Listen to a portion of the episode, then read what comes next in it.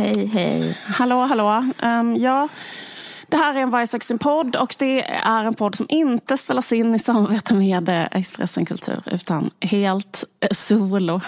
Precis. Det känns så jävla härligt tycker jag. Så härligt. Jag det. Ja. Tack så hemskt mycket till alla extremt gulliga människor som eh, swishade pengar till oss. Mm. Efter förra avsnittet. Det var som förra helgen var att vara liksom typ, vad ska man säga, nykär. Och jag gick och fnissade och jag var så himla glad och rörd hela tiden. Alltså på, inte så här, jag, jag var så rörd, jag var så rörd på riktigt. Ja. Det var fantastiskt. Det var helt fantastiskt. Och därför kan vi sitta här och göra ett avsnitt. Allt bara känns helt underbart. Just det, så tack så hemskt mycket. Nu, fast det, det finns också en annan känsla som är såhär, fan vad det här måste bli bra. Men skitsamma, okej.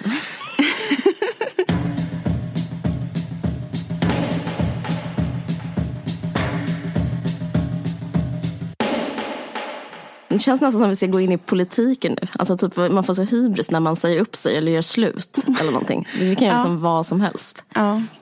Du menar att eh, liksom, eh, man blir ny människa när man inte har ett uh, samarbete? Ja. Ja men typ, men jag bara tänker på så här, vissa människor som inte alls har att göra i politiken, alltså hur de mår. Att de är så här, det är nog dags för mig att gå in i politiken.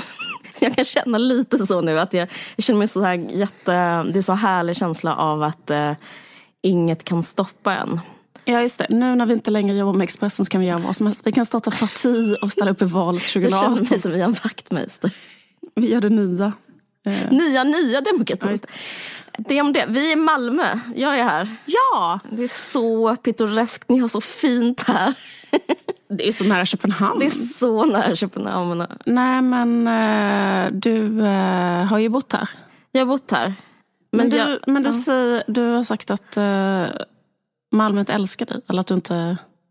Ja, jag, fan, ja. Alltså, jag känner att liksom att man kan, alltså jag som koncept eller som personlighet, kanske också utseendemässigt, ja fan utseendemässigt, eh, inte går hem i Malmö. Det är liksom som att eh, jag är liksom under idealet, eller bredvid idealet. Jag, liksom, jag är inte alls i så här bull's-eye av vad folk vill ha. Det var jättetydligt när jag var så inne med tatueringar minns jag. Då bara kände mig då bara kände jag så här, men ni är ju fula. Ni alla är fula. Men ni tycker att jag är ful. Och så var det för mig att gå ut på Möllan. Alltså För jag, att du är otatuerad. jag är otatuerad och typ bättre än alla. Så kände jag hela tiden. Men, eh, och sen så flyttade jag till Stockholm och blev så väldigt älskad och upplyft. Och sen så resten, är, ja, resten känner ni ju till. Det är att jag ska gå in i ny demokrati. Ny, nya demokrati. Ja, nej, men eh, ja. Jag tror också typ att eh, min klädstil är lite för strikt för Malmö. Om, bara, alltså, om man bara får vara hårdare så. Ja. Jag tycker det är snyggt med så här beige. Det är jätteomodernt i Malmö med beige. ja. Ehm, precis. Det finns ju lite olika delar av Malmö, men vi pratar bara om en del. Där är den enda delen där man är, som är södra innerstaden i Malmö. Ja. Mellan. Mellan, exakt. Men hur, hur har du det i Malmö? Är det, är det bara att du går high-fivar hela dagen? Jo, men det är också så här i Malmö att om jag är i Stockholm så händer det oftare att folk liksom går fram och liksom vill säga någonting till mig och sådär på gatan. Alltså i Malmö så, men det kanske också bara för att jag bor här och har bott här så himla många år så det är liksom ingen som orkar hålla på att stoppa mig Nej, nej, det är inte det. Det är de inte det. träffar. Det är inte det liv. Det är Nej. att folk, eh, folk alltså, aktivt hatar kändisskap. Jo men precis. Det är också det att det finns liksom ingen status upp, jag känner, men det är bara så här, När folk bara blir så här, vem, vem bryr sig liksom? Ja, och liksom inte bara det utan så här, jaha. Alltså blir nästan lite sura om något. Alltså, om du är känd så är det ett sätt att, det är liksom, eh, en anledning att vara arg på dig. Ja, fast grejen är liksom att jag verkligen uppskattar det. Alltså jag tycker det är så himla skönt att folk är så. För jag håller med. Alltså det är väl därför jag också är så här malmöit. att liksom, jag blir inte heller imponerad av kändisskap. Eller fattar du vad jag menar? Jag tycker, eller liksom, jag tycker det är skönt Jag att fattar inte att någon... du inte blir det och det, det hedrar dig. Men det finns ju någonting som är kanske att man levt ett liv, eh, vuxit upp i en familj där prestation är det enda som är någonting värt. Och sen så är det enda liksom, medlet man kan eh, eh, ja, alltså det är det så man tar sig fram i livet. Och sen så man inte blir uppskattad för sin prestation, då har man inget. Och så känner jag ofta, typ när jag är i Malmö. Jag brukar ofta så här, men jag brukar väl typ vara så här, prestera för att bli älskad. Och om det inte ens är värt någonting, då Vad fan har jag då? Ja, verkligen. Då har jag ing... men det är verkligen sant. otatuerad och, pres, liksom, och högpresterande. Ja, men exakt, för prestation är nog inte lika belönat i Nej. Malmö som det är i Stockholm. Nej. Det är ju verkligen sant. Men eh, en annan sak är att folk liksom verkligen genuint, alltså att det finns så mycket folk från olika ställen i Malmö så att folk kan verkligen genuint alltså, inte känna till alltså, att man lever i väldigt Mm. Ja. olika världar. det Så låter ju attraktivt. Alltså, ärligt talat Ja men det är soft. ganska skönt tycker jag. Att det kan vara väldigt mycket så att folk är så här. Jag vet inte. Till exempel igår så pratade jag med en kille som som var hans liv. Vilket fint namn. Det har jag aldrig hört förut i hela mitt liv. Alltså typ folk är så här. Mm. Men sen är det också det att ni, det är så roligt därför att jag har ju flera kompisar som vi, du bland annat, som bodde i Malmö med mig, vilket Mm. var tio år sedan. Och då umgicks vi jättemycket. Och ni tror alltid att det är liksom exakt likadant i Malmö som det var när ni flyttade. när det gäller mode till exempel så har det ju ändrats väldigt mycket. Det är väldigt hipstrigt i Malmö faktiskt. Mm, jag tror det när jag säger det. Ja.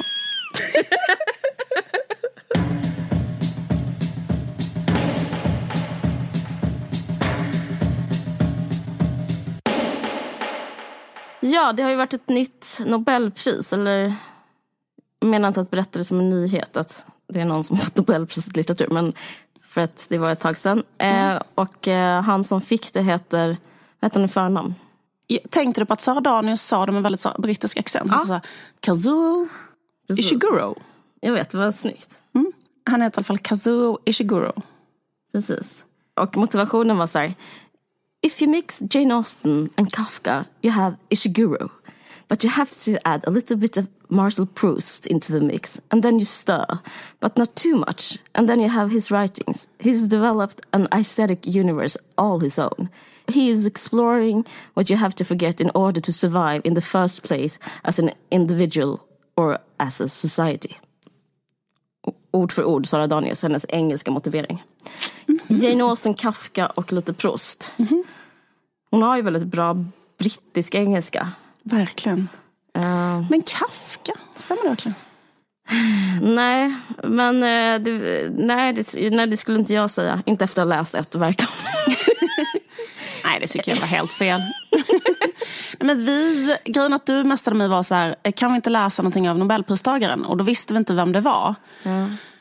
Och sen så dagen när, eh, när Nobelpriset eh, utlystes, så av en slump, så liksom var jag inne på stadsbiblioteket. Så att liksom jag kunde liksom typ så här, minuten efter eh, det blev eh, annonserat snappa ett ex av eh, återstoden av dagen. Ja, vad coolt. Okej, det, det visste inte jag faktiskt. Nej. Själv så läser jag den i min mobil. Eh, ja, men jag tycker det... mm, eh, ja, men jag tycker det är ett så intressant val. Alltså det är liksom... Det är den nya akademin. Akademin i jeans kallas de ju. Jag tycker det är så intressant. Alltså, jag det har inte jag hört. Har du inte? Är det från det här, vad heter det, Tjejer i jeans? Nej, vad heter den filmen? Eh, systrar i jeans? Ja men kanske. Nej men det är liksom att det är att akademin eh, lösgör slipsen och är så här, vad då då? Vi kan ha Bob Dylan. Alltså att det är som att alla de där, det är ju bara en massa 40-talister, kanske någon annan.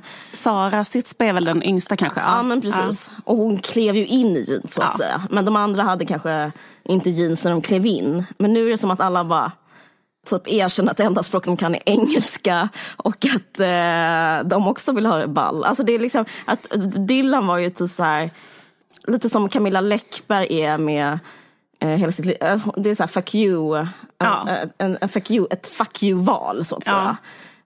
Eh, och sen så tror jag att det var så gött att de, så de bara fortsatte. För det är också så här, Att de tar någon som är lite eh, härlig och inte så svår. Och, Ja, men typ såhär, han är bra, typ. Ja. jag gillar honom. Typ. Och sen så bara blir det han. Och så någon som man, men så här, skit i att alla läser och skit att det är filmatiserat. Alltså det finns ju inga, inga såna här Alltså, och- akademiska anspråk eller liksom eh, elitistiska anspråk. Nej. Liksom, utan men det är mer typ så här. Eh, men vad ska man säga? Alltså, alla kan läsa och eh, det är framförallt rockspråket engelska som eh, det skrivs på. Det är så här, vem orkar eh, en, en, en, en poet från Hongkong? Ja, eller så här Rumänien. Mm. Katarescu har varit så här. Men så här, ingen kanske liksom... Ingen orkar läsa Katarescu. Sån, jag, så, sån känsla får jag att, så här, att alla, alltså den här grejen med att Gert Fylking, heter han så? Ja. Att han skriker äntligen varje år när eh, akademin, Svenska akademin annonserar vem det är. Ja. Det blir helt verkningslöst nu för det är typ så här Äntligen såg den filmen för ett tag. Alltså det, det finns liksom ingen sån här spänst Nej, i hans det. skämt, som är ju ett bra skämt, är ju typ Ja. att någon ska säga Något helt sjukt. något liksom jätte, helt obegripligt rumänskt namn som ingen har hört innan Ja. så ska han skrika äntligen. Men när, när det, när, nu när det är så här, Bob Dylan. Ja, det är fan kul att han vill. Nej men precis, det, det finns inte den här, eh, det är som att akademin liksom har börjat närma sig Klicksamhället. Mm. Och de gör det i jeans. Men jag tänkte jättemycket på det här. Eh, alltså jag bara undrar lite över akademin vad som händer. Alltså jag vet inte. Men, men jag upplever liksom att de krisar pyttelite. Och att de krisar liksom på ett sånt sätt att kanske att de, alltså det kanske är mer allvarligt än vi tror. Det kanske är att de, de det är så massa 40-talister som de börjar närma sig 70 typ. Ja. Och kanske börjar, alltså Kristina Lugn och alla sådana tongivande, de kanske börjar få dödsångest. Och då är de typ så här, men vad ska man göra med livet egentligen? Ska vi sitta här och läsa någon rumänsk? alltså det är, så här, är inte meningen med livet att ha kul? Typ, eh, och så tycker jag hela akademin bara andas någon slags... Alltså, man kan ju bli mer tillåtande. Alltså, jag tänker Ja. så att akademin är väldigt mycket så här, en, en motsvarighet till akademin är väl så här så som man kanske var när man hade ett sånt gymnasieintellektuellt gäng Ja. någon gång. Att man var Ja. så här, att det var väldigt, eller, eller folk som har varit i en eh, strikt subkultur so- när det gäller kontroll och- musik. ja. Mm. Att det fanns liksom bara vissa band och sen så liksom, och, och, om någon lyssnar på något liksom, typ elektroniskt så är de liksom utdömda. Ja. I en annan grupp är det något annat. Ja, men du, nu- du fattar vad jag menar. Ja, väldigt hårt. Eh, liksom. Otroligt hårt. Liksom. De är, tänker jag, en sån grupp som bevarar det klimatet hela livet. Att det blir så här, Mega eh, gymnasiala. Mega liksom, alltså att, att, att det är inte ens har du inte läst Catarescu? Alltså det är typ så Precis. i akademin. Eller om någon skulle säga, jag gillar eh, liksom något, något liksom pyttelite mer folkligt. Ja, precis. Eh, typ, eh, jag gillade, jag gillade ändå filmen Änglagård. Eller något sånt där. Det, tror liksom jag inte, men, men jag tror värre att typ säga något sånt där halvbra. Alltså Ja. som hon som aldrig vinner, som, all, alltså, som folkets favorit. Fan, hon Joyce Carol Oates. Exakt, Ja. Blond. Att säga så här, jag gillar Blond av Jo- som handlar om Marilyn Monroe. Då är det, så här, ja, då är det, vän, då är det liksom bara Ja, men, tystnad. precis. Det finns liksom, jag, kan tänka mig att det blir som en kultur av... eh, Eller det finns liksom ingen... Men, men just den här frigörelsen som också kan inträffa i sådana grupper där man Mm. liksom har brukat ha det så här jättestelt. Så helt plötsligt så börjar någon så här, eh, lyssna på R&B Mm. Alltså, och då blir det så här revolution. Alla bara, får vi lyssna på detta? Mm. Jag tyckte det var så himla kul. Jag var en gång på den här... det finns en sån punkfestival i Köpenhamn som är det här uh, ockuperade huset. Fan heter det? Ungdomshuset, alltså gamla Mm. ungdomshuset i Köpenhamn som är liksom... Um, Pumpehuset, är det det? eh, nej, alltså det hette Ungdomshuset. Ah, det okej, fanns okej. Mm. i liksom tusen år. Sen så blev det... Eh, liksom de blev vräkta därifrån. Det var liksom, Men i alla fall. Och, men, men då hade, har de en punkfestival som heter K-Town. Eh, och då är den tre dagar. Då är det liksom bara alltså det är så här, subkulturen krustpunk.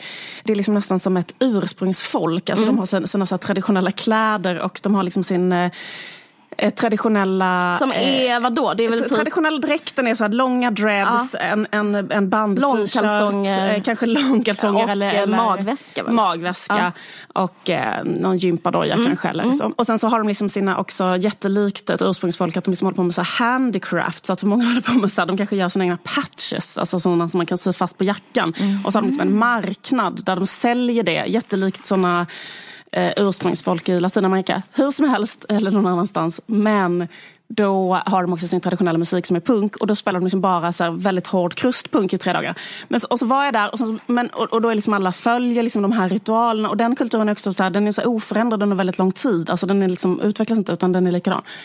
Sen sista dagen, helt plötsligt, jag bara minns detta, så bara satte någon på typ Michael Jackson. Eller du vet så här gamla hits. Och folk bara ballade ur. Alltså Det var som en jävla release. Liksom, Att bara få stå och dansa till Bad eller något sånt där. Och eh, alla blev så jävla lyckliga. Liksom. så här, att, eh, Men gjorde de ironiskt eller gjorde de liksom...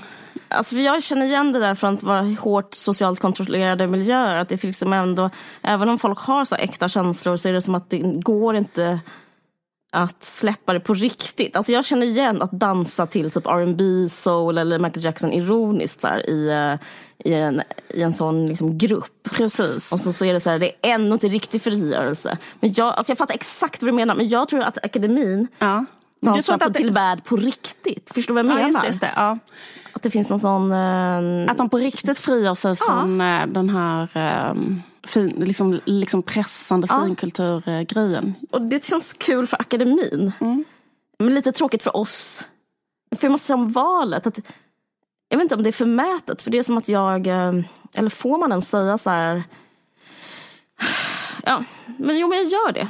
Eh, jag, jag, tycker det var ett lite tråkigt val om jag ska säga min mening. Och att jag kan säga, jag borde inte kunna säga det. För jag borde inte veta vem det är. Mm. Jag borde liksom inte ha en relation till en men jag tänkte så här, vad är akademin? Varför har det här så stor betydelse? Och jag tror att det handlar om tipskulturen. Att det finns som att akademin, Svenska akademin har en fungerande roll. Och det är att vara världens bästa bokklubb. Ja. Eller en bokcirkel. Och så, så här, man har olika bokcirklar men det tar aldrig riktigt fart. Man orkar liksom inte gå på de här mötena, ingen läser boken.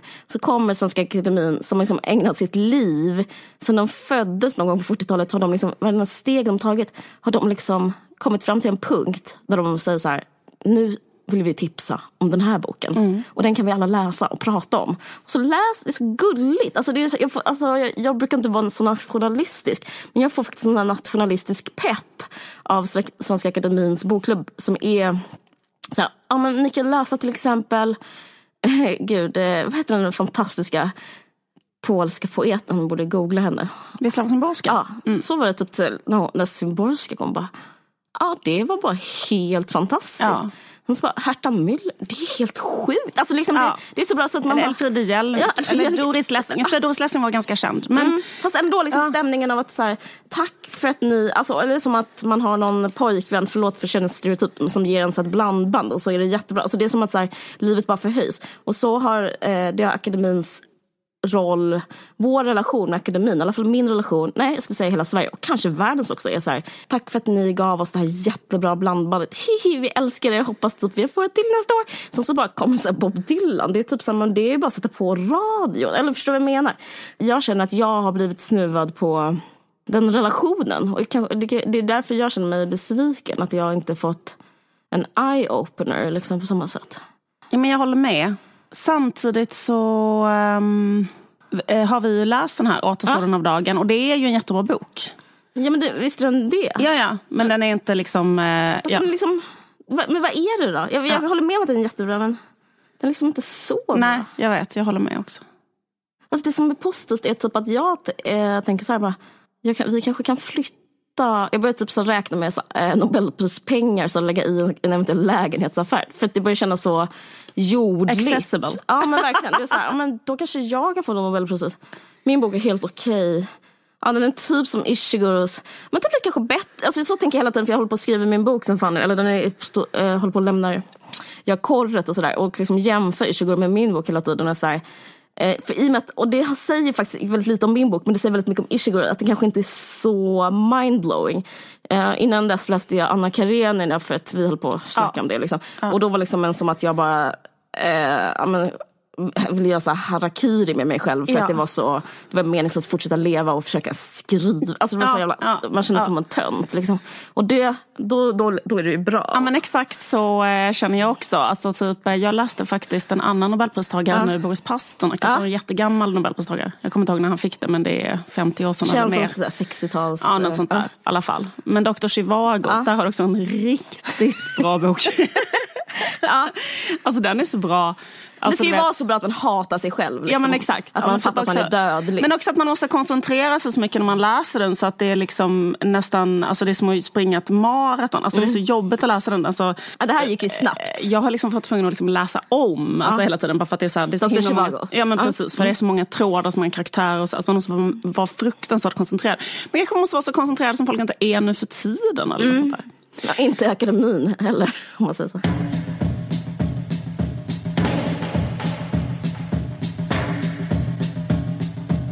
Men om vi ändå ska säga någonting om eh, den här boken, Återstoden av dagen. Jag måste bara understryka att så här, eh, jag tycker ändå att, eh, alltså, även om det inte är det som du pratar om som är det sjukaste liksom, Nobelpriset, så är det verkligen liksom en väldigt så här, härlig läsupplevelse. Mm. Jag typ hade den med mig några dagar och bara det var så jävla mysigt, så här, krypa ner i sängen, läsa lite den boken. Alltså, den är verkligen härlig. Mm. Eh, jag tycker liksom det intressantaste med, med den här boken, det är att den, för den handlar om en butler. Mm. Och det är liksom det som är, tycker jag, hela uspen med den här boken. Att den liksom är skriven ur en vinkel som inte vanligtvis är beskriven. Alltså, nämligen så här, ett, en, en, ett tjänstefolks perspektiv. Mm. Liksom, um, typ en anställd. Alltså det är, på ett sätt är det typ en arbetsplatsskildring. Mm. alltså, så här. Ja, det är lite uh, Jarden. Ja men exakt. Mm. Och, um, Fast Jarden för anglofiler. Precis. Det är väldigt mysigt att läsa om det där brittiska, ja, det om, man är, om man är down med det. Just det. Mm. Men också liksom hela det här brittiska myset. Man brukar alltid bara ha ett jävla mys kring det brittiska klassamhället i all populärkultur. Ja. Eller man brukar alltså, ha mys kring överklassen. Ja, exakt. Ja. Att det är så här, ja men på det sättet också blir det liksom totalt oproblematiserat. Alltså alla, han blir jämförd här med Jane Austen, men jag menar Jane Austen, um, hon beskriver lite klasskillnader, så här, liksom, typ medelklassen versus överklassen och så. Men, uh, men hon skulle ju aldrig beskriva så här, liksom, hur en koker ska ha det i köket eller hur en, liksom, en, en betjänt har det eller så. Men denna handlar ju bara om eh, liksom, tjänstefolket i ett sånt otroligt gammalt adligt eh, eh hem då, framförallt eh, butlern eh, och eh, liksom själva rollen av en butler. Och det är också så ett helt mm. avskaffat, eh, det är inte helt avskaffat men det är liksom en eh, ett sätt att, att ha tjänstefolk. Nu, det är också intressant tycker jag för att tjänstefolk kommer tillbaka nu ju, ganska mm, mycket. Mm. Att liksom, eh, vårt samhälle, Sverige, alltså jag är typ helt övertygad om att om tio år eller någonting att att det kommer vara så att alla har tjänstefolk i mycket högre utsträckning ja, igen. Men det finns ju redan. Jag tänkte ja. på Blondinbella när jag läste boken. Mm. För hon har liksom en kokerska, eller som en kock. Det är ju vanligt att ha hon är ju såklart mm, städerska. Mm. Men hon har också så en kock och typ den typ av eh, eh, stab hemma. Mm. Som, det känns som en så ny grej mm. som är lite utskälld och lite ute. Men ändå så på intåg och skäms inte för sig på samma sätt. Det handlar ju liksom om återkomsten av klassamhället mm. eller liksom att det har ökat klassklyftor. Och sen så med liksom en integrationspolitik som inte liksom integrerar folk. Så liksom vad ska alla de här människorna jobba med? Alltså det mm. blir ju att de kommer vara så här tjänstefolk till typ etniska svenskar. Alltså, mm. eller liksom, det kommer säkert att bli mycket mer sån utveckling. Liksom. Verkligen. Så på det sättet så är det faktiskt lite intressant att läsa den. För att... Um, Mm. Men det är intressant. Alltså jag tycker jag håller med. Eller håller med. Det, den handlar om en butler, mm. Mr Stevens. Lite om hans relation med en annan anställd, en hushållerska som heter Miss Kenton. Men uh, ja, han nämner ju inte det, eller det. Men det finns liksom en jag vet inte om du tänkte så, men det finns liksom en eh, dialog bakåt med slav, slaveriet i den här boken som jag tycker är så... Alltså, när jag tänker på det, den är ju jävligt raffinerad för det finns liksom en... Eh, Eh, det handlar liksom om förtryck och det handlar om maktutövning och det handlar alltså om vem som, vem som behövs för att maktutövning ska stå till stånd. Och eh, det intressanta med den här boken är ju att en person har eh, gett upp sig själv som, ungefär som en religiös person. Han har gett sitt liv åt någon annan. Och först är det lite så tråkigt men sen så förstår man att det är Sen så blir det så existentiellt. För att och man kan liksom översätta det i egentligen alla relationer. Alltså man skulle kunna översätta det i en förtryckande kärleksrelation. Ja. Liksom att mm. bara så men jag offrade mig själv för dig. Och sen så är livet slut och så hade man bara ett liv och så gav man det. Jag, det, det berörde ändå mig, mm. måste jag ändå säga. Det, jag tänkte på ett sätt också att alltså, man, han har ju liksom valt att förlägga denna, hela den här historien i liksom en engelsk eh, liksom överklassmiljö. Men han har ju själv en japansk bakgrund, eller japanska mm. föräldrar. Och det känns ju också jättemycket som att det handlar om den liksom japanska så här, eh, företagskulturen och så. För mm. där är det jättemycket så också där, att de anställda avkrävs liksom 100% lojalitet till sin mm. chef. Och att liksom den här grejen att man bara sover över på jobbet, man jobbar hur mycket som helst. Man liksom, alltså hela ens mm. Eh, varande går ut på att vara service-minded mm. gentemot chefen. Och mm. typ att eh, eller liksom, ska jag säga, det stora temat i boken är väl egentligen så här, demokrati kontra fascism eller så. Liksom mm. Liksom att så här, är, är varje individ mm. en person med en röst som mm. kan vara med och påverka samhället? Mm. Eller ska det vara liksom en... Eh, alltså, han, ja, det är väl ett sånt fascistiskt uttryck eh, att eh, liksom en i huvudet och några i händerna och några i fötterna mm. typ i ett samhälle. Liksom, att, eh, jag tänkte liksom, på upplysta, alltså upplyst despot-idén också. För så, så är det uppbyggt i det där hushållet. Precis, alltså liksom de, de här personernas ideal, även den här lordens ideal, är ju att ha ett sånt, eh, alltså han upplever sig, det gör ju fascister också, alltså upplever sig som så otroligt så människokärlek och så, att jag gör detta av kärlek för att det är det bästa folket. sättet för att styra. Liksom att en i huvudet och sen butlern är väl händerna liksom, och eh, arbetarna i fötterna och liksom sådär. Och så fungerar samhället bäst. Eh, Så på det sättet så är det liksom en intressant att liksom umgås med de idéerna på det sättet. Att verkligen, eh, för det, Det är rätt så skönt att umgås med de idéerna på det sättet. Och när det inte är åsiktsbaserat också. Att det kommer från, som en berättelse om eh, försakan och känslor.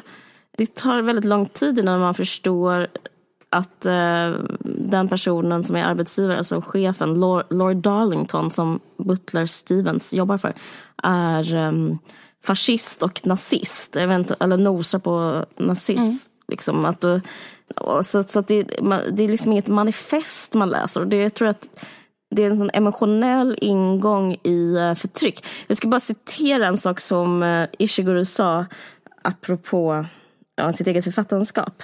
Eh, som, jag, som var liksom, jag fick lite aha-upplevelse. Så här, för han, han var så här, jag borde inte få det här priset. Det, det liksom, han trodde först att det var en hoax, alltså en, vad är, vad är det? Alltså, Ett prank. Ett prank, det precis. Men sen så, så han är väldigt så här ödmjuk kring det. Men, eh, för jag tänker jättemycket att den här boken är politisk. Men grejen är att enligt honom så är den inte det. Och han har inget politiskt författarskap. Men jag ska bara säga vad han säger. För det är rätt så fint i eh, också så här klicksamhället och så här åsiktssamhället och alltihopa. Uh, while some Nobel Prize winners have known for works of arid intellectuality, Ishiguro is after something else entirely. Då säger han så här. Uh, I'm not a message person. It's been important to me that my work works through the emotions. I went into this because, alltså, eh, alltså för skrivandet, because I wanted to share emotions with people rather than intellectual ideas. Yes, I use words, and ideas certainly go in there. But for me, the reason I want to write novels instead of essays, alltså idédrivna texter då, is because I want to say this is how this one person over here feels. And then you recognize it. That's an important thing to do, as a simple thing to do, to try to connect with each other. Alltså jag tycker det är intressant att så här, eh, använda känslor som eh, budskap. Liksom att det finns ett så här egenvärde. Det tycker jag, det, det tycker jag alltså, romanen har. Att eh, ta en annan väg på något sätt. Eh, det är väldigt det är svårt att sätta eh, fingret på det, men den är inte proklamerande. Den är bara så här tankfull och emotionell fast samtidigt väldigt tillbakahållen. Exakt. Det är ju alltså verkligen eh, eh, en jättebra roman. Ja. Men, men tycker du inte att den är så här att man fattar hur han känner man, men det, allt är bara undertext hela romanen? Absolut. Ja. Så liksom, eh, det finns ju en kärlekshistoria också. Den existerar ju Han säger helt inte en mellan... gång att han gillar Nej. henne. Nej, och det fattar man. Exakt, så liksom, utan att spoila någonting så är en Spoilat allt. Mm. jättebärande del är att det, fin- att det är en kärlekshistoria också. Fast den är liksom inte, den är bara mellan raderna. Mm. Eh, Så det är också helt fantastiskt. Eh, Det är jättebra eh, också. Det är imponerande att hålla sig, att inte gå in och klafsa ner i någonting tycker jag. Alltså som en skriven människa, jag, känner, jag har jättelätt att bara säga Sen kände han så, började gråta och vill och skrek, kan du komma tillbaka? För jag känner mig, han, det skulle aldrig hänfalla till något sånt. Nej, och så finns det ett tillfälle när han gråter och då är det en annan person som Ja. säger så här, "V- eh, du är blöt på kinderna. Och då förstår man att den här personen är helt knäckt. Men det har liksom inte, alltså, det har inte stått någonstans eller ja. Det är häftigt. Det finns också ett metaperspektiv på det tycker jag som är att skildra det brittiska idealet. Och, eh, det finns en genomgående tema som är i boken Vad är värdighet? Och som så här, ligger nära vad är gentlemannaskap? Och egentligen så här, vad är den brittiska identiteten? Och det, det här kanske är en kritik mot det. Att, det fin- att man får inte ha känslor och man ska vara alltid korrekt och mm, ja, liksom, tårar är något som rinner som vatten. Det, liksom är, alltså, det får liksom inte få plats. Eh, och, men, ja, det blir väldigt eh, Mm. Det är ju jätteintressant det där gentlemannaidealet för att ehm, det finns ju liksom positiva och negativa sidor men det är just det att det finns liksom inget som eh, eh, det finns liksom inget statement i det. Men liksom han beskriver också att hans lord har liksom blivit nazist för att han är en sån otroligt fullfjädrad ah. gentleman. För att gentlemän ska liksom hjälpa de svaga och att man är alltid schysst mot den som man har besegrat. Liksom. Så att eh, eftersom eh, Tyskland var förlorare i första världskriget och fick en jättedålig deal i liksom Versaillesfreden så ska den här lorden vara eh, vänlig mot tyskarna. Liksom. Och det är det som sen liksom slår över. Det kanske bara är hans otroliga vänlighet eller liksom lite missriktad naivitet som gör att han liksom helt plötsligt dras in i liksom att bli utnyttjad av nazister. Liksom och sådär. Det är så jättehäftigt tycker precis, jag. Ja. Så det är inte heller tydligt att den här lorden, alltså, eller förstår du, den här lorden agerar ju också utifrån sina ideal. Ja, och känslor. Och sen låter det honom ja. hamna det där. Liksom. Ja. Det är jätte, um, jätteintressant och det är jätteintressant att få en sån här historia eh, gå ner i historien. Så, för det sägs ingenstans Alltså ordet första världskriget, alltså det är väldigt så här litan, stort förtroende för läsaren. Så bara, ja men ni vet Versaillesfreden, det som hände där. Liksom, alltså, det är verkligen ja. så, sån stämning hela tiden så att man känner sig rätt så, kanske det akademin kände också att de är så här, jag kan det här. Alltså det, det, det, är, på en, det är en behaglig nivå alltihopa liksom. Ja. Uh, det är mysigt. Okej, men jag bara undrar om du är gift nu, eller hur gick det i Italien? Mm, jag är gift med en clown. och jag kommer flytta till Italien och bo med honom i ett sånt tält och ha en sån sjöbjörn eh, som husdjur. Eller vad heter det? En säl med en boll på nosen. Mm. Eh, nej, men jag har redan glömt bort Italien. Jag var ju i, eh, jag var i eh, Finland mm. i helgen också för att min bok har kommit ut på finska. Då var jag liksom i eh, Åbo. Åbo är så Finlands äldsta stad. Visste du det? Nej. Nej, jag vet, jag, visste, jag vet ingenting om Finland. Nej, jag kände det väldigt svårt för mig att hålla fokus när du pratar. Ja. Det räcker med Finland på något sätt. Ja. Att du säger Åbo är liksom att kräva för mycket. Men nu ska jag säga en sjuk sak om ja. Finland. Det, har ju, alltså, det lustiga är att jag precis har börjat läsa en bok om Gustav den fjärde Adolf som var människan som skövlade bort Finland från Sverige. För du vet att... Bu. så hela tiden gick jag runt och tänkte det här kunde varit vår. Ja. Inte varför den där jävla idioten. Skojar bara. Nej men. ja. Nej men man känner sig. Skit, skit i det. Åbo har ju liksom... Danmark kunde ju också varit vårt. Absolut. Ja men skit i det. Verkligen skit i det. Men grejen är att Åbo Eh, alltså det, alltså det har ju varit svenskt i 600 år. Typ. Mm. Så därför så pratar folk svenska hit och dit. Och, och det har ju varit en massa svenska kungar och sånt som har bott där. Och också liksom, jag, jag kommer inte ihåg så jättemycket från så här, historielektioner från när man var liten. Men är det inte något man kommer ihåg som är den här berättelsen om Karin Månsdotter och Erik den XIV? Nej.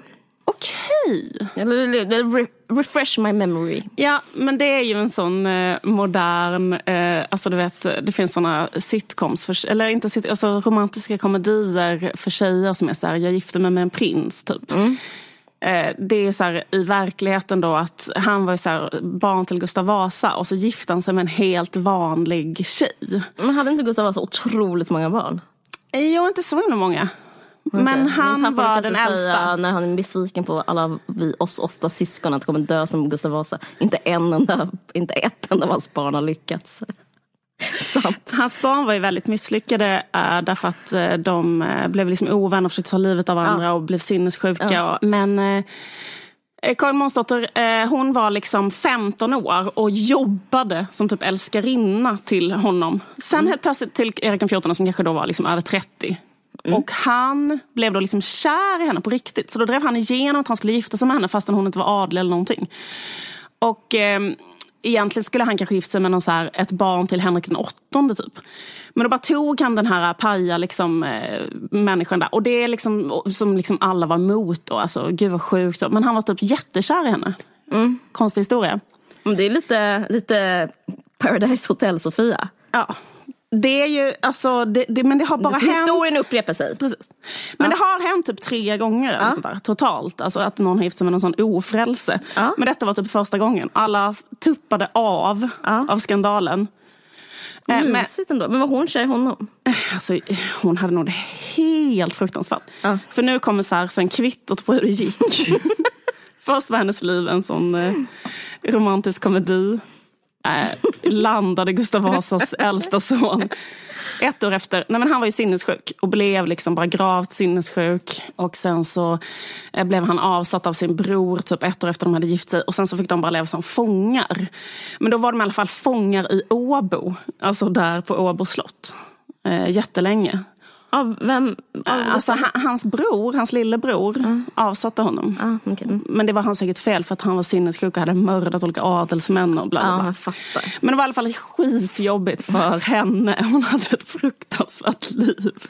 Och eh, sagan slutade med att vi fick prinsen och sen efter det så hände det bara sjukare och sjukare sjukare saker för henne. Men sen så bodde hon typ i eh, Finland hela sitt liv, eh, Ja. som då var Sverige. Men, och hon är också begravd i Åbo. Okej. Och eh, eh, jag gick och kollade på hennes grav, för hon är begravd inne i domkyrkan. Ah. Så det är faktiskt jättefint. Det finns jättemycket svensk historia. Man kan verkligen så här, gå runt och kolla. Eh, det är jättekul. Mm. Den bästa delen av svensk historia tycker jag. Ja, men, Det mest Game of Thrones ja verkligen. verkligen. Det, var, det var juicy.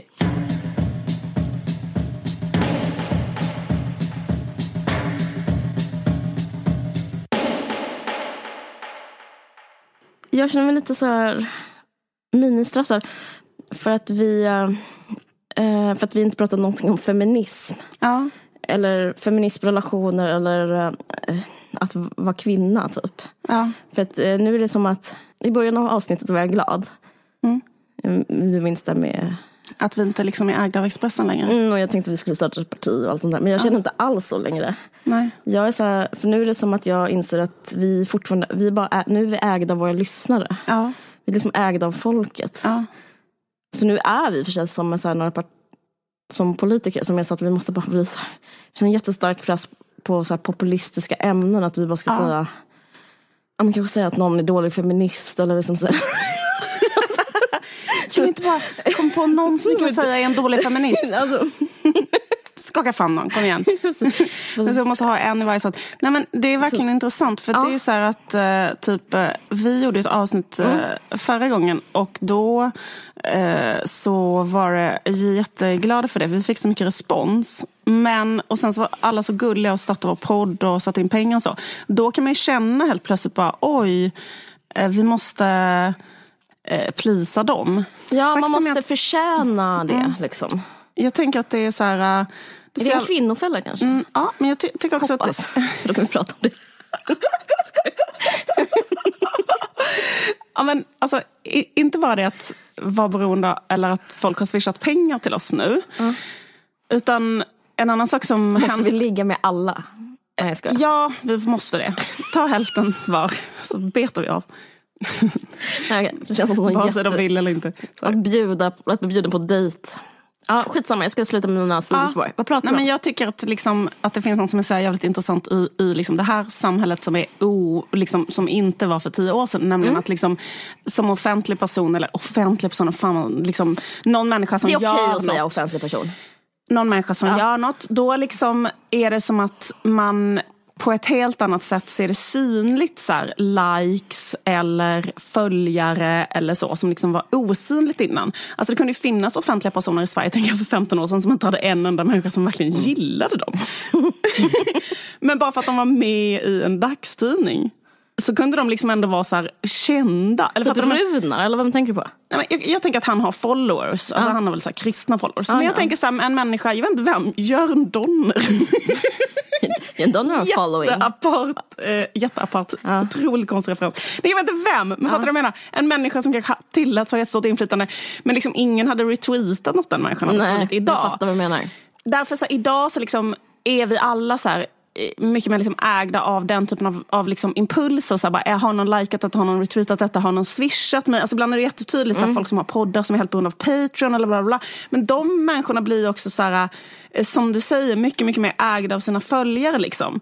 Och då kan man inte så här, göra sina följare besvikna till exempel. Nej. Så att man blir liksom så här, kanske mer och mer, eller jag funderar på vad det gör med ens liksom, skapande, för, eller ens liksom, produktion. Därför att det, det blir kanske... Och alla man- vill alltid ha hitsen. Precis. Det har vi pratat om också innan, så att för jättemånga avsnitt sen, jag tror att det är ett avsnitt som heter It Ain't Me Babe. Eller var det där We Can't Do It, vad är det avsnittet? Nej, det är ett avsnitt som, som heter Ja, It ain't me, just It den. Ain't Me ja. Babe handlar om att eh, liksom har sagt någonting som no, folk ja. sen förväntar sig. Så har man liksom, och sen blir människor besvikna när, när de liksom inte har fått det. Så jag, tror att den, jag tror att den mekanismen fanns kanske innan för så här jättestora kändisar, typ John Lennon och sånt. Att folk liksom var jättearga, varför är du inte med i Beatles? Och så slutade man att någon bara sköt honom för att det var liksom för mycket känslor. Nej, men förlåt. Men, alltså, men idag så tycker jag att det liksom det kan vara liksom vilken liten apart podd som helst. Ha sin egen lilla liksom, mm. ankdamm. Som mm. också faktiskt i det här samhället, vi pratat innan om det här med åsiktssamhället och sånt, som också kan mm. göra att de radikaliseras. Och så mm. Det finns himla många exempel på det tycker jag. Så här, också människor som liksom kanske börjar säga något pyttelite OPK. Mm. Sen så, så blir de liksom um, uthängda. Vi säger så Marcus Birro kanske ett exempel på det. Mm. Alltså förstår du vad jag menar? Mm. Så, så liksom han säger en pytteliten grej, sen så, sen så är det någon som attackerar honom och säger liksom i det här åsiktssamhället, liksom anklagar honom för någonting. Och då liksom själv radikaliseras han. Och nu lever han ju på Patreon.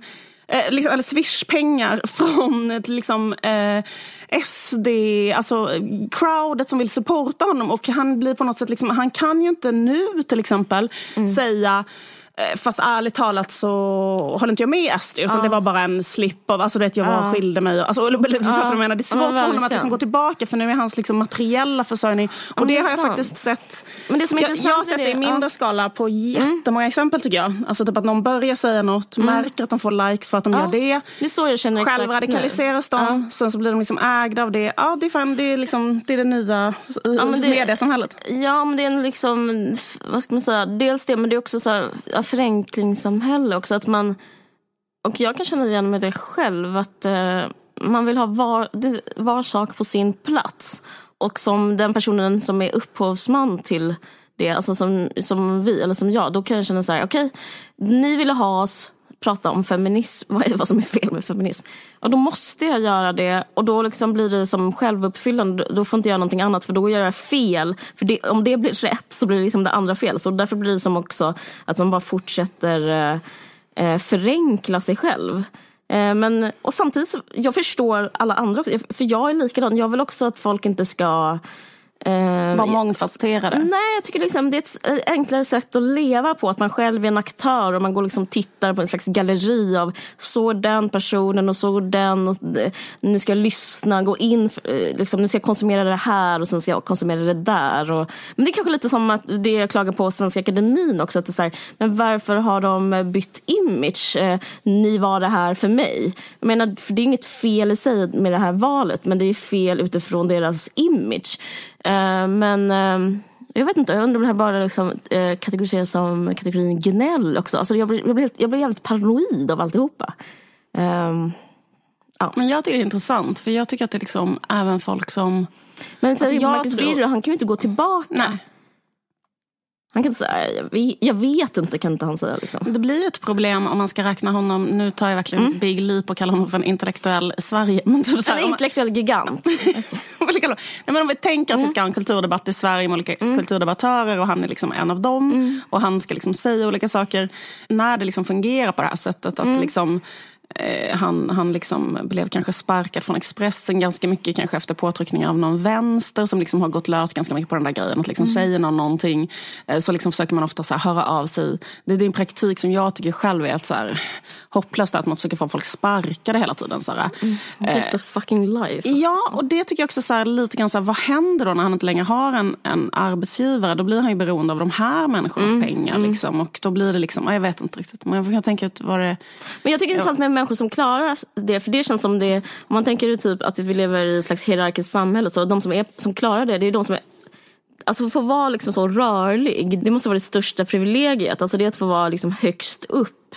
Och om längst ner kanske man har tiggare, de får bara vara en tiggare. Mm. Och så utan åsikter eller liksom bara en sån total anonymitet. Sen så drar man sig från den anonymiteten upp.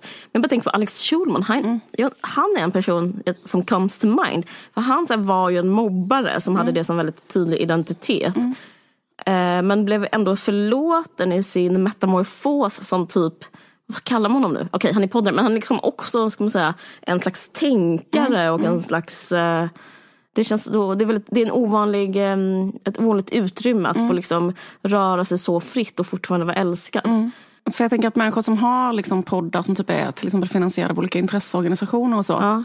Då liksom kan man ju inte, alltså om vi pratar om det här fria intellektuella samtalet som kanske är en slags liksom så liberal dröm. Men det är ändå så här, ja, ja. Fast jag tror nästan en ännu starkare mekanism är det att man får kärlek. Ja, om man liksom säger en viss typ av grejer från ett visst läger. Och det här mm. tror jag fungerar jättemycket i det här crowdet som är så här SD med vänner-crowdet. Liksom. Mm. Att så här, om någon säger någon pytt, jag tycker man kan se det liksom till exempel en sån person som Katarina Janouch till exempel. Så mm. tror jag liksom att för henne så blir det liksom att från att ha varit bara, ja hon har alltid varit en, en kändis i Sverige och mm. liksom varit en sexrådgivare och haft liksom sin plattform.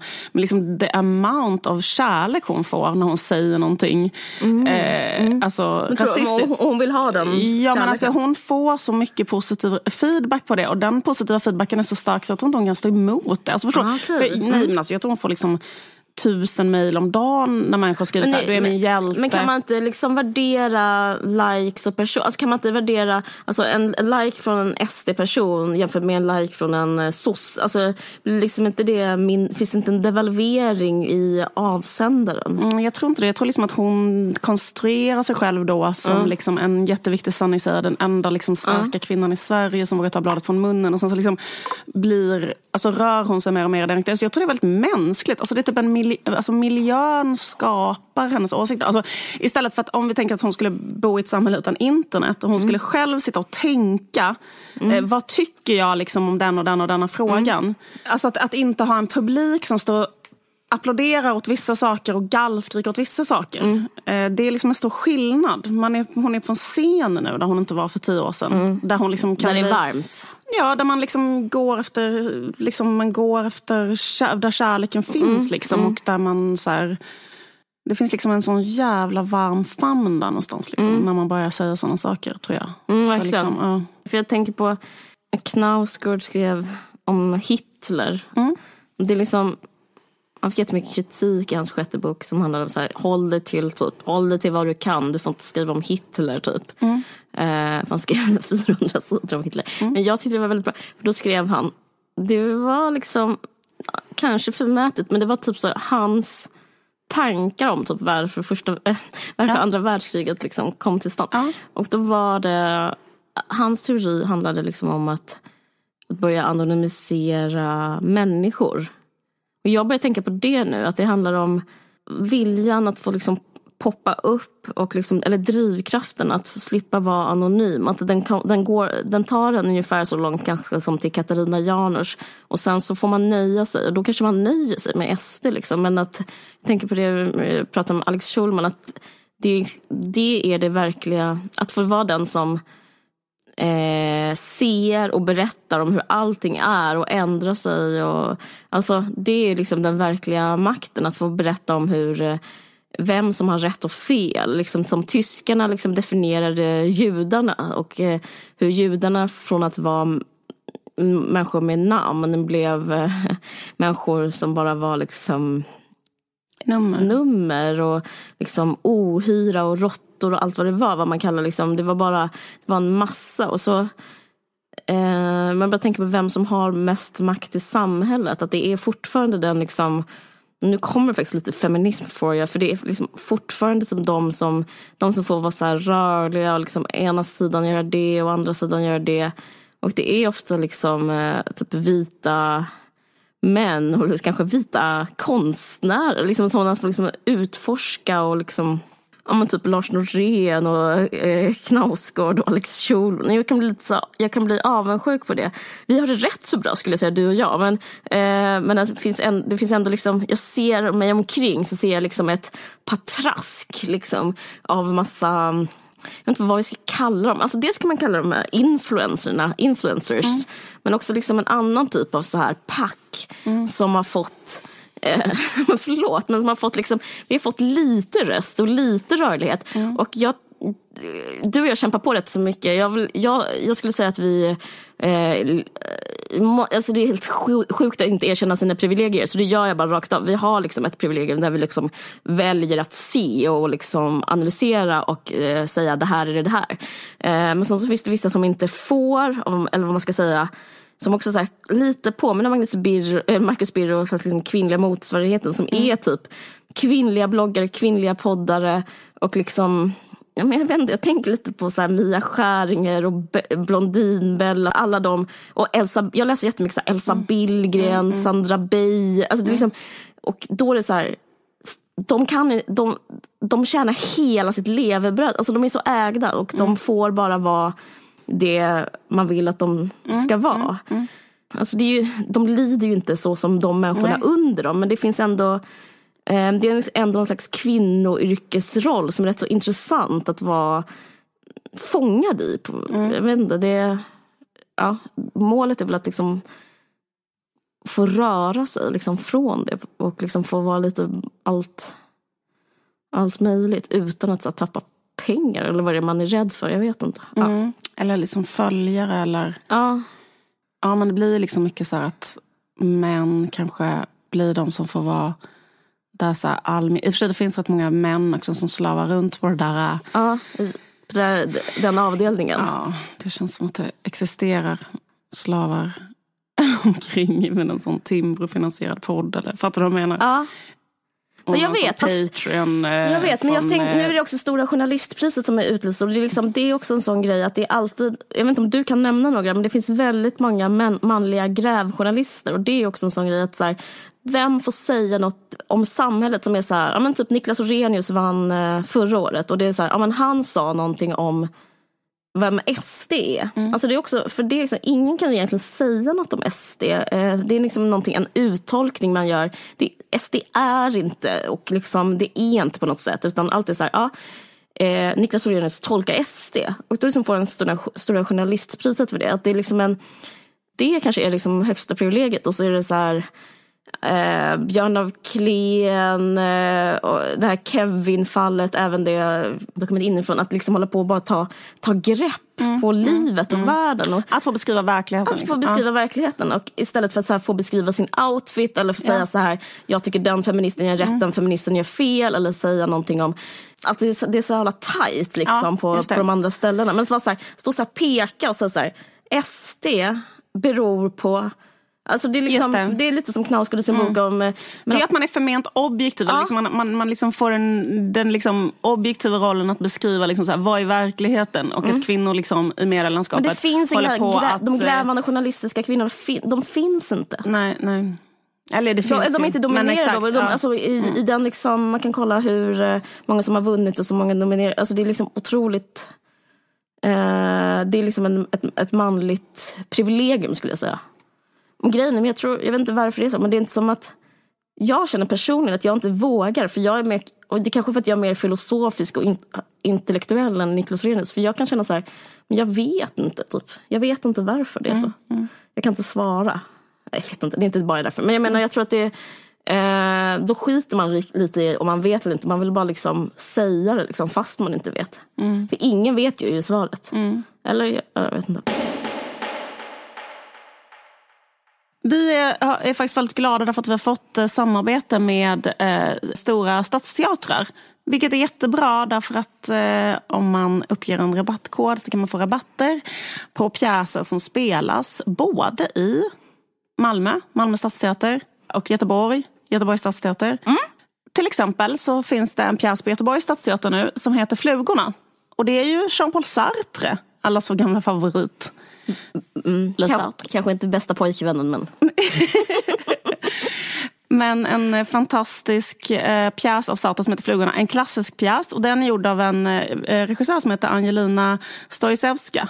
Som eh, är jättebra. Och det är liksom att Det är ganska intressant för att vi eh, kommer ju också att eh, eh, göra ett samarbete med Dramaten som handlar om Antigone. Men grejen är att Flugorna den är liksom baserad, eh, pjäsen är baserad också på eh, Orestes eh, och Elektra och den här grekiska myten.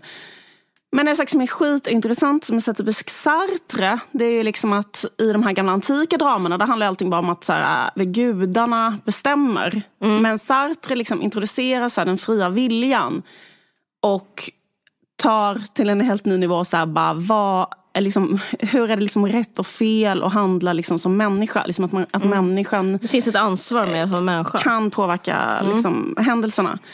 Eh, och eh, Göteborgs stadsteater har gjort detta till liksom, en jättecool, jättemodern, eh, jätteintressant pjäs.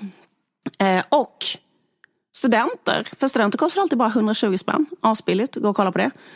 Och eh, om man uppger koden Liv Caroline i biljettkassan så får man en rabatt också som är 25% på biljettpriset. Så gå och kolla på den om ni bor i Göteborg eller närheten. Älskar Sartre. Det är roligt. Eh, Sartre fick ju också Nobelpriset. Just det. Eh, men du vet vad han gjorde va? Ja, han kom inte dit. När han sa nej till pengarna. Just det. Aha. Du vet vad han gjorde sen? Nej. Ångra sig. Ja. det där är så jävla Det är, bra. så, det är verkligen, det är som mig också. Alltså jag känner igen mig så mycket. Hur länge efteråt kom han och ville ha pengarna? Det, det är ju en googling bort, men jag vet inte. Men jag kan Nej. tänka sen några år typ, kanske när det inte gick så bra. Alltså jag vet inte. Ett halvår senare när man liksom ändå tänker så här. Jag vill ändå flytta till sjätte arrondissemanget. Alltså, det är svårt att säga nej till de pengarna. Men hade han eh, liksom... eh, Fick han pengarna sen? Nej, Gud vad kul. stark historia. Starkt av akademin också. De bara, är du inte på den här festen med kungen? Och sitter här och... Men så ska jag, jag tycker ändå det, det är ändå min akademi. Okej.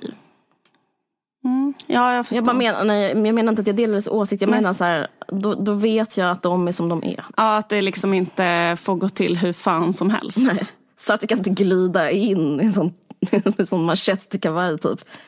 Knacka på Gyllene Freden och bara ursäkta kan jag, det, alltså, det går inte. Jag kan inte ha det så. Ja, men Med Sigmund Gifan. En fransk ung tonåring i varje arm. Bara, jag har ångrat mig. Vill ha de här jag måste ta notan. Ge mig pengarna nu. Eh, nej. ringer på fyllan typ.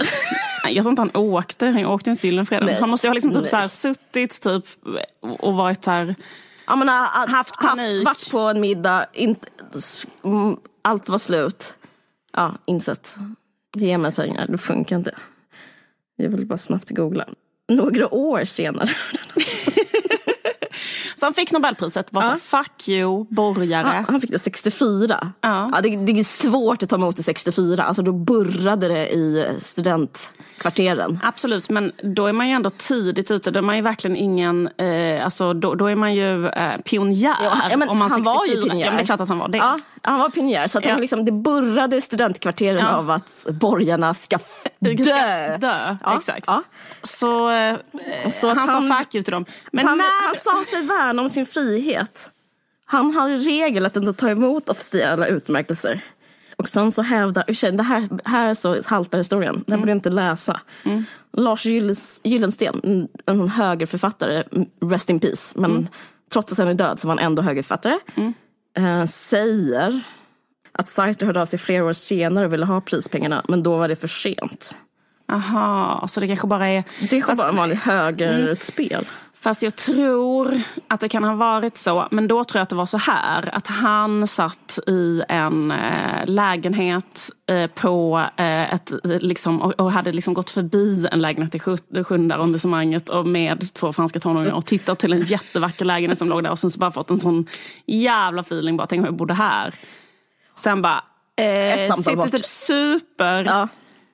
Eh, slår nummer till Lars Gyllensten. Ja. Du kan inte bara sätta in de pengarna på mitt konto. Han var nej. Ja men precis. Så måste det varit. Och sen så Pasternak som precis läst, det är jättesorgligt.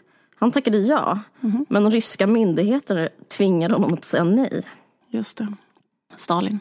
Eller? Mm. Och, och Stalin. även Hitler förbjöd sina tyska författare, när de fick Nobelpriset så förbjöd de att ta emot. Men jag tycker också den här grejen att, du vet det här som kom fram, för Bob Dylan är ju också en person som liksom inte ville komma till festen. Eller liksom inte, Det var ju jättekul att han vägrade svara och hit och dit förra året. Ja. Det hade ju kunnat bli lite en sån här historia. Men han var ju inte lika cool som Sartre. Nej, han sa- skulle ha hållit ut. Exakt.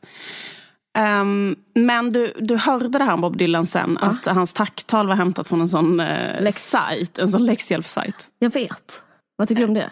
Jag tycker att det är intressant. Därför att det, det berättar någonting om att vara liksom en skapande människa, kan framförallt liksom en poet eller en skrivande människa, att det liksom inte alls behöver gå hand i hand med att vara intellektuell. Eller så. Nej. Fattar du vad jag menar? Typ Ja. att han är all about eh, feeling. Ja. Och eh, liksom eh, hans skrivande är inte intellektuellt. Nej, så, han kan inte utan- nej. problematisera Nej, det. han kan liksom inte så berätta någonting Nej. om det. Eller liksom, och också liksom, i och med att han skriver poesi eller liksom, eh, låttexter, Lyrik, lyrik, ja.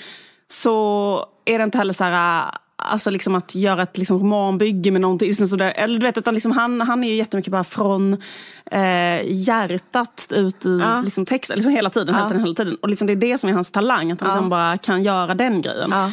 Men eh, han, han kan ju till och med vara alltså, lite dum. Alltså, förstår du vad jag menar? ja. Det är liksom verkligen samma sak som Håkan Hellström till exempel. Ja. Det känns också som en, en sån person. Alltså, förstår du vad jag menar? Som liksom kan formulera saker i, i, när det gäller så här, känslor och lyrik på det sättet. Men som liksom typ knappt verkligen skulle kunna skriva ett sånt tal. Eller måste bara hämta det från en sån eh, läxhjälpssajt då. Ja. Eh, Typ tack för eh, Ja, det är, det är Eh, sant. För att han liksom, och det kanske också är därför han inte ville åka dit och sånt, för att han kanske kände så här, men fan jag kommer inte kunna stå här och gaffla om liksom, för att jag menar typ en sån text som liksom eh, Don't think twice, it's alright. Det är bara liksom så här, det, det, det är liksom ett, en genialitet som opererar helt bortom intellektet. Verkligen. Och det är underbart. Mm, verkligen.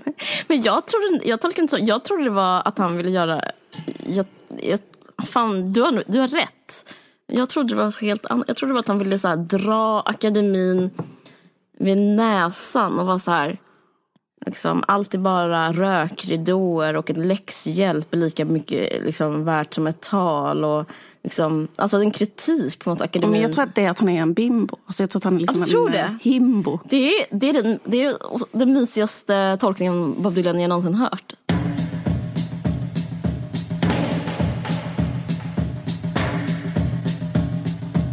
Som sagt, denna vecka presenteras podden i samarbete med Göteborgs stadsteater och Malmö stadsteater. Vi har förmånen att erbjuda våra lyssnare på 25% rabatt på biljettpriset till utvalda pjäser.